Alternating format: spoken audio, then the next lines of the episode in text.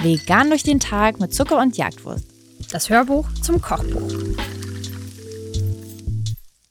Ich habe das Gefühl, Isa, bei diesem Rezept überlasse ich dir die Bühne. Ich habe das Gefühl, das ist ein Rezept, das ist definitiv auf deiner Seite, auch wenn ich es sehr lecker finde, aber da hast du Emotionen, oder? Absolut richtig. Es geht nämlich schon wieder um Kartoffeln. Ich habe das Gefühl, dieses ganze Buch ist eigentlich ein Kartoffelbuch. Aber wie auch immer, jetzt befinden wir uns ja beim Mittagessen und es gibt Kartoffelsuppe. Ja, richtig. Ihr könnt ähm, Bratkartoffeln machen, ihr könnt Kartoffelbrei machen, ähm, ihr könnt Kartoffelklöße machen und Kartoffelwaffeln, was auch immer. Aber auch eine Suppe gehört natürlich ähm, mit dazu.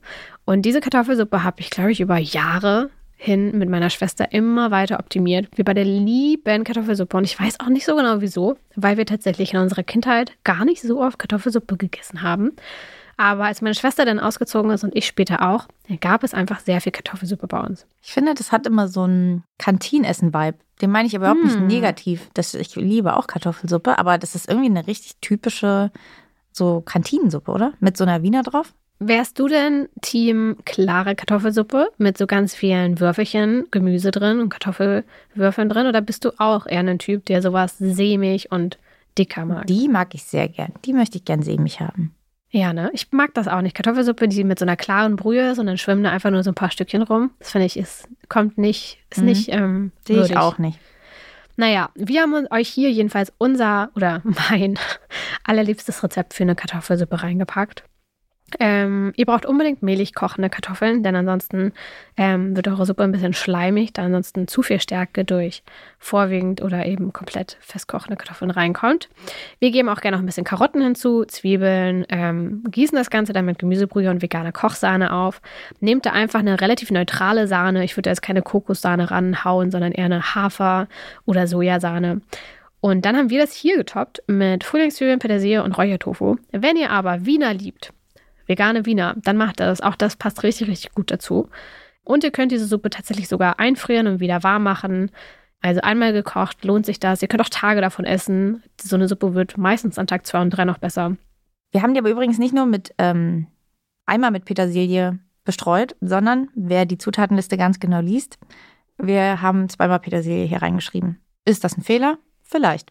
Naja, aber man kann es auch so sehen, dass man ein bisschen Petersilie in die Suppe macht und dann am Ende als Topping auch nochmal ein bisschen Petersilie oben drauf streut. Vielleicht war es auch gar nicht so ein ungewollter Fehler. Das könnt ihr euch selber aussuchen, würde ich sagen. Auf jeden Fall. Ich habe, weil dieses Rezept ja auch schon auf dem Blog existiert, einen meiner Lieblingskommentare mitgebracht, die es dazu gab. Und daran merkt man, es gibt viele Meinungen zu Sachen, wie man ja schon gehört hat, du hast sehr lange an dieser Suppe gefeilt und ich habe sie auch schon mehrmals nachgekocht und finde sie auch sehr, sehr lecker. Der Kommentar unter diesem Blogrezept begann folgendermaßen. No chance. Das ist keine Ausrufezeichen Kartoffelsuppe. Sorry, aber das als Kartoffelsuppe zu verkaufen, ist kriminell. Wenn ihr hm. wissen wollt, warum, guckt gerne mal auf dem Blog vorbei. Der Kommentar geht noch etwas länger. Isa hat damals super diplomatisch auch geantwortet. Das mochte ich auch.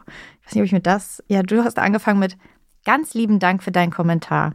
Geschmäcker sind eben unterschiedlich. Wir essen unsere Kartoffelsuppe eben so am liebsten. ja, das ist absolut wahr. Also, ne, wer halt eher so eine klare Kartoffelsuppe mag, ähm, ist doch auch voll schön, dass man einfach seinen eigenen Lieblingstyp von Kartoffelsuppe findet und den dann einfach am allerliebsten mag. Auf das ist doch Fall. fair. Deswegen gebt dieser Kartoffelsuppe eine Chance, auch wenn ihr jetzt vielleicht denkt, hä, wirklich, ist das eine Kartoffelsuppe? Ja, it is. Ja, auf jeden und Fall. Und sie schmeckt wirklich fantastisch. Und damit viel Spaß von mir, der Kartoffelsuppe und Julia.